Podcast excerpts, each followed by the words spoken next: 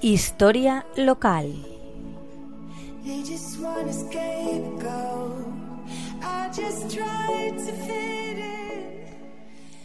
Buenas tardes, amigos y amigas de la Tegua Radio. Seguimos con los calores del verano y disfrutando de los acontecimientos que salen a nuestro paso. Hoy voy a comentar la recreación histórica del Tratado de Almirra, que tuve ocasión de presenciar la semana pasada, el jueves día 25, en el campo de Mirra, un pueblecito que está a unos 10 kilómetros de Villena. Celebran sus fiestas patronales dedicadas a San Bartolomé y en ellas se incluye la representación teatral de este histórico tratado.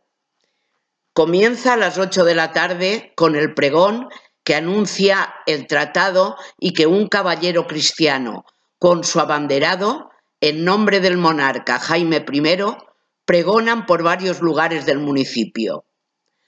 A las 9.30, en la plaza que hay frente a la iglesia parroquial, los vecinos recrean el histórico pacto entre Jaime el Conquistador y el infante Alfonso de Castilla, futuro Alfonso X el Sabio a través del cual se establecerán las primeras fronteras por el sur del antiguo reino de Valencia.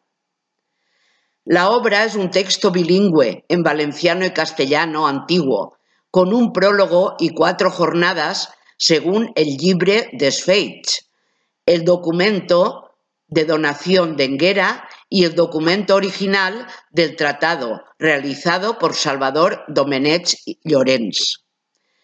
Es la única muestra de teatro histórico en la comunidad valenciana y muy relevante por tratarse del pacto medieval más importante realizado entre Castilla y la Corona de Aragón y que establece la primera frontera que, como hemos dicho, es la del sur del antiguo reino de Valencia.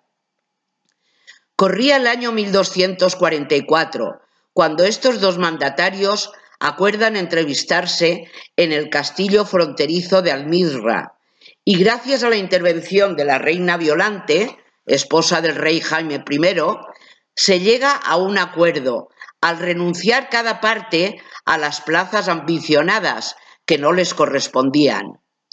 Todo un triunfo de la diplomacia. Se destacó por parte de José Ferrandi Lozano que este acontecimiento ya cumple sus 40 años de representaciones y que cabe destacar la importancia del diálogo entre las partes contendientes que evitaron una guerra.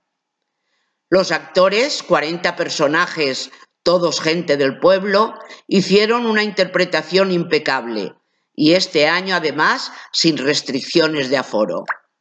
Nos hicieron pasar 80 minutos muy agradables y comprender algo más de nuestra historia.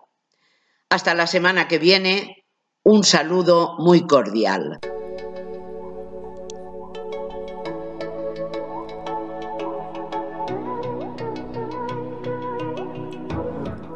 Historia local. I just